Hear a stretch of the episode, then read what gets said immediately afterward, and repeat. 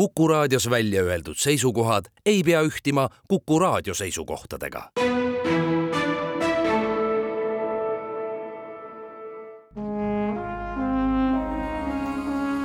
Vanemuise veerand tere kõigile teile, head Kuku raadio kuulajad. täna on suurepärane võimalus tervitada kahte saatekülalist. draamanäitleja Maarja Johanna Mägi on üks külalistest, tere Maarja! tere! ja teine on Vanemuise dramaturg Sven Karja, tere sulle! tere!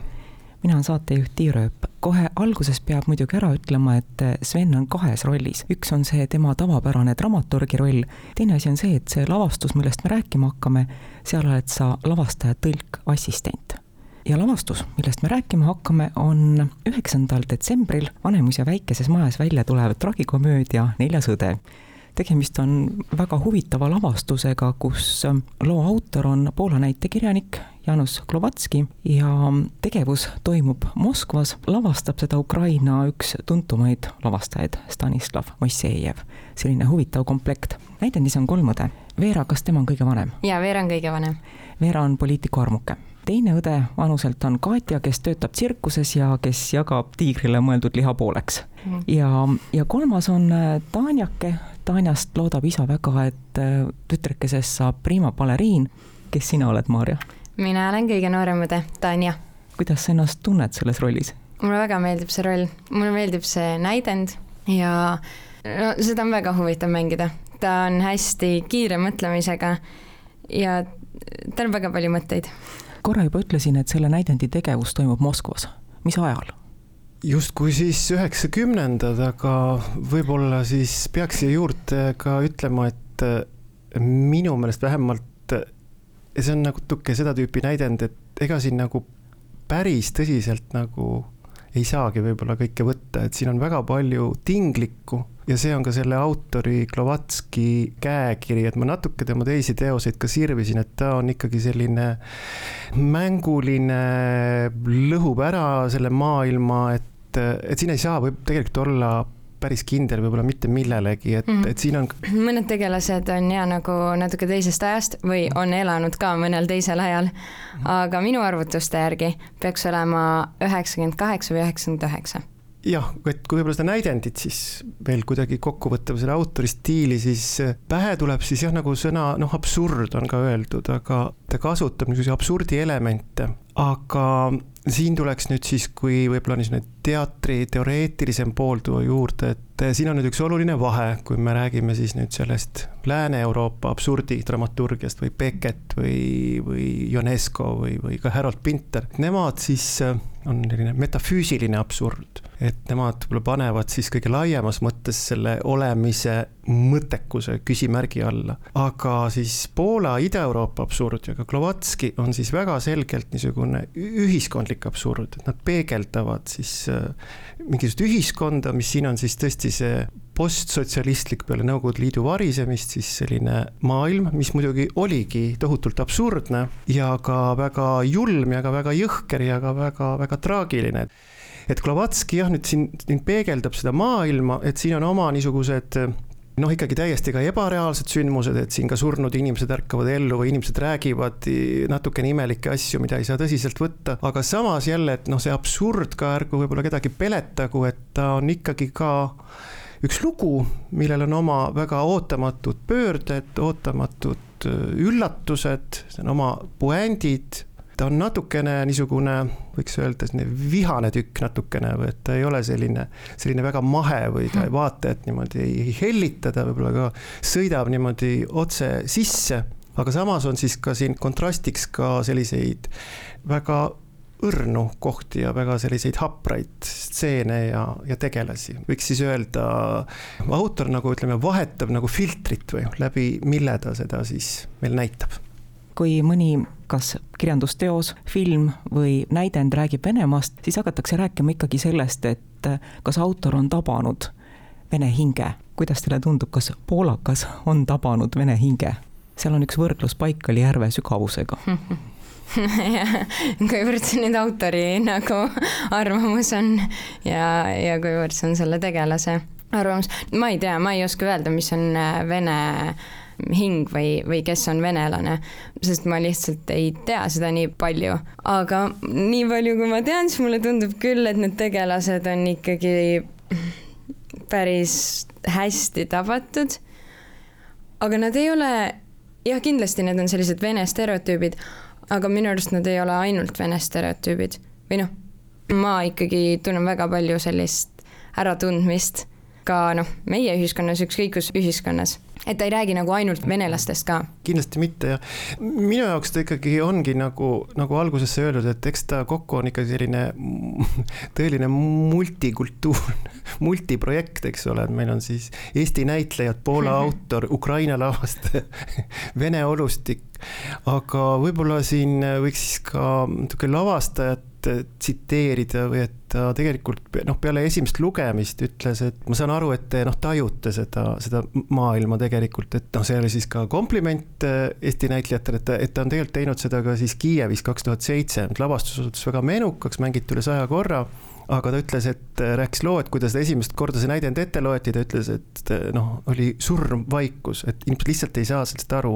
Glovatski natukene eripärasest maailmast et eestlased nagu seda tajuvad ja, ja ma jäin ka mõtlema, et mis poolest, et, et võib-olla ka ikkagi jah, eestlastel võib-olla on siis ka noh, ikkagi see, see absurdi või ka isegi nagu niisuguse sürri taju võib-olla päris hea, et näiteks noh, Vene võib-olla näiteks anekdoodid, noh, Venemaal, eks ole, ta on kogu aeg noh, olnud tsenseeritud ühiskond, seal on olnud noh, poliitiline anekdoot, see põhiline või noh, hästi levinud. et ikkagi Eesti anekdoodid minu meelest on noh, ikkagi põhinevad ju kõik mingisugusel absurdsel või, või sürreaalsel efektil. aga hästi kummaline on jah see, et näidend on ju kirjutatud äh, kaks tuhat noh, muidugi läheb see noh, Vene olustik jah, kus me asume, eks ole, ja me teame ju ka, et ka väga suur hulk osa Eestimaast, mis asub seal ida pool noh, elab ju pigem ka praegu Vene kultuuriruumis, et midagi nüüd võõrast või mingit kultuurikonflikti siin ei tohiks olla, aga siin on, me oleme ju avastanud, ütleme rõõmuks, et, et siin on ju ka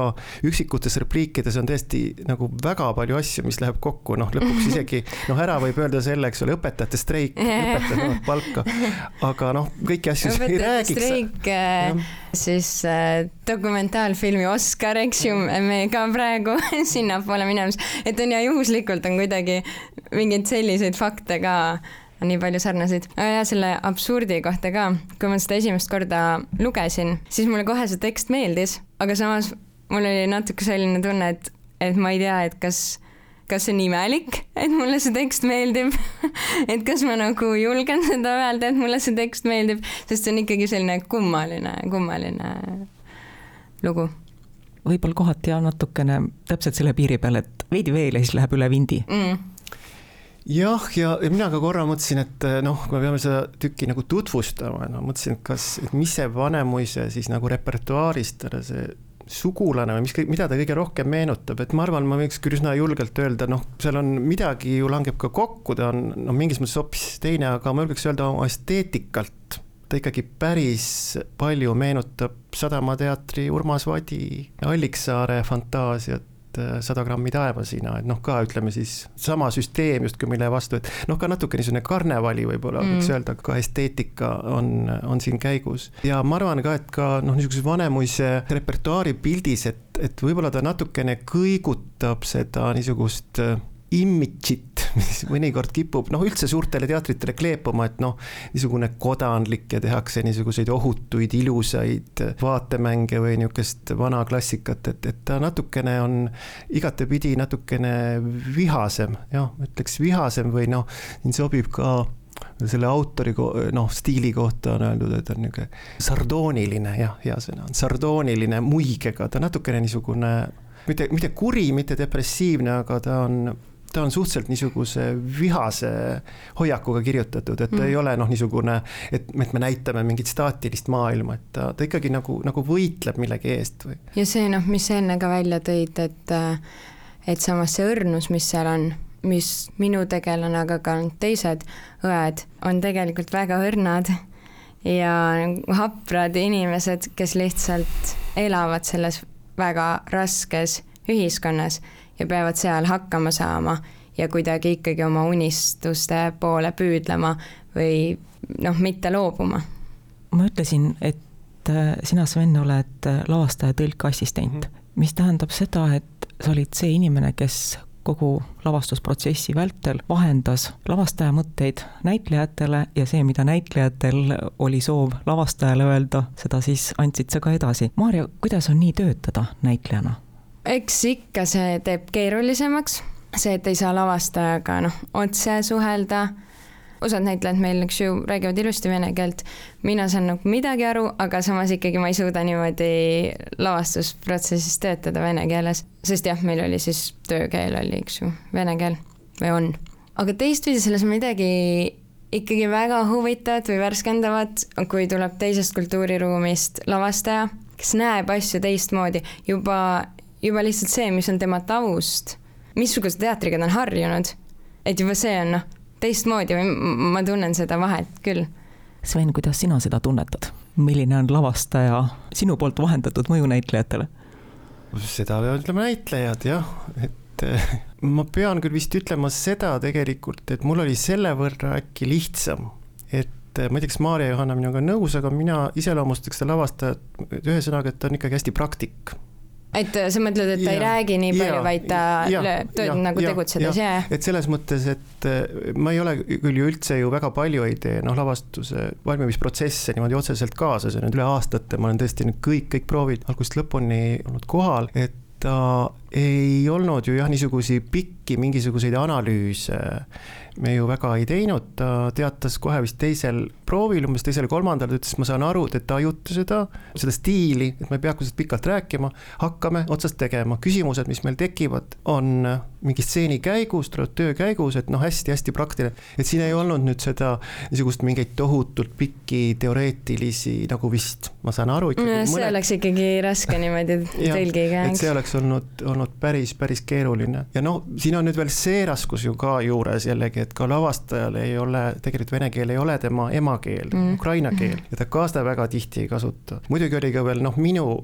vene keel natukene roostes, ma tundsin, sest arusaadavatel põhjustel kolm-neli aastat ma pole suhelnud kellegagi. ma vaatasin mingeid filme enne lihtsalt, et noh, meelde tuletada, lugesin midagi. et siin on veel jah, läbi, läbi nagu, nagu mitme filtri jah, tegelikult see, see on pidanud toimuma ja siis on veel tõesti noh, väga hea, väga kogenud tõlkija tegelikult, siin on noh, niisugust ühtlustamist on on omajagu olnud jah, eri keelte ja, ja, ja kultuuride vahel. jah, sest lavastajal oli ees siis ukrainakeelne. et siis aru äh, saada, kus ta nüüd siis on omadega, sest noh, siis ta ütles jah, eks ole, ta saab ju aru, kui on noh, mingid nimed või kohad või et või mingisugune rahvusvaheline. jaa, aga ei, tegelikult tuli ju välja, et vahepeal seal olid mingid laused täiesti ja, teised ja. seal äh, ukrainakeelses ja eestikeelses. ja, ja mingi jupp oli lausa yeah. puudu, mida me tõlkisime veel hiljem üle et meil on jah, on natukene sellist no ütleme siis heas mõttes kaost on, on olnud jah. Ja noh, siis tõesti veel see ikkagi nüüd, et ta on ju siis aluseks on ju siis nagu Tšehhov või, või ka veel, eks ole, ja jällegi kummaline, et, et see Tšehhov noh, on nüüd Eesti teatrile ikka hästi oluline, siin ju meil paar nädalat tagasi tuli jälle välja üks kolm õde ju, eks ole, Katariina Unt muidugi tõesti, selle näitemängu vaatamiseks ei pea nüüd absoluutselt Tšehhoviga kursis olema. aga see tuleb, ma arvan, et see annab juurde, juurde, et sa tajud mingeid äh, viiteid siin on jah, veel ju hästi põnev, kui veel niimoodi süvitsi minna, et mis annab huvitavuse, miks seda Tšehhovit, seda kolm õde tehakse, ta noh, on siis, eks ole, üle-eelmise sajandi ajal, eks ole, valmis seal kuskil. seal noh, hästi palju räägitakse elust, mis on saja aasta pärast, eks ole. siis nagu hästi palju Tšehhovit lavastatigi, noh, sada aastat hiljem, et nüüd me peaks seal nagu olema. ja siis peab nagu mõelda, eks ole, et, et Tšehhovi õdedele tundus, et noh, elu on alla käinud, on mandunud, eks ole, midagi ilusat, midagi on kadunud. nüüd on läinud sada aastat mööda. Tšehhovist ka Glovatski näidendist, kus ka seal on siis noh, üks õdedest, kes jääb lapseootele, arvab, et tema laps elab kindlasti palju õnnelikumas ühiskonnas kui see. ja eks ole, mõelda kakskümmend aastat tagasi, nüüd see laps oleks siis kahekümne kolmene, kahekümne neljane, eks ole. Kus praegu me Venemaaga oleme, on noh, nagu selle näitemängu siis niisugune see teine plaan või see tänaseks Vanemuise veerand lõpetab. loodetavasti süütasime teis uudishimu näha, kuidas Poola kirjaniku Janus Klovatski kirjutatud lugu elust tuhande üheksasaja üheksakümnendate aastate Moskvas Ukraina lavastaja Stanislav Moisejevi käe all Vanemuise laval elustub. see jäi varem nimetamata, ka lavastuse Neljas õde stseenograaf on Ukrainast. saatejuht Tiia Rööp tänab külalisi, aitäh, Maarja-Johanna Mägi aitäh, Vanemuise dramaturg Sven Karja ning suur tänu kõigile teile, kes te meid kuulasite. jälle kuulmiseni. Vanemuise veerand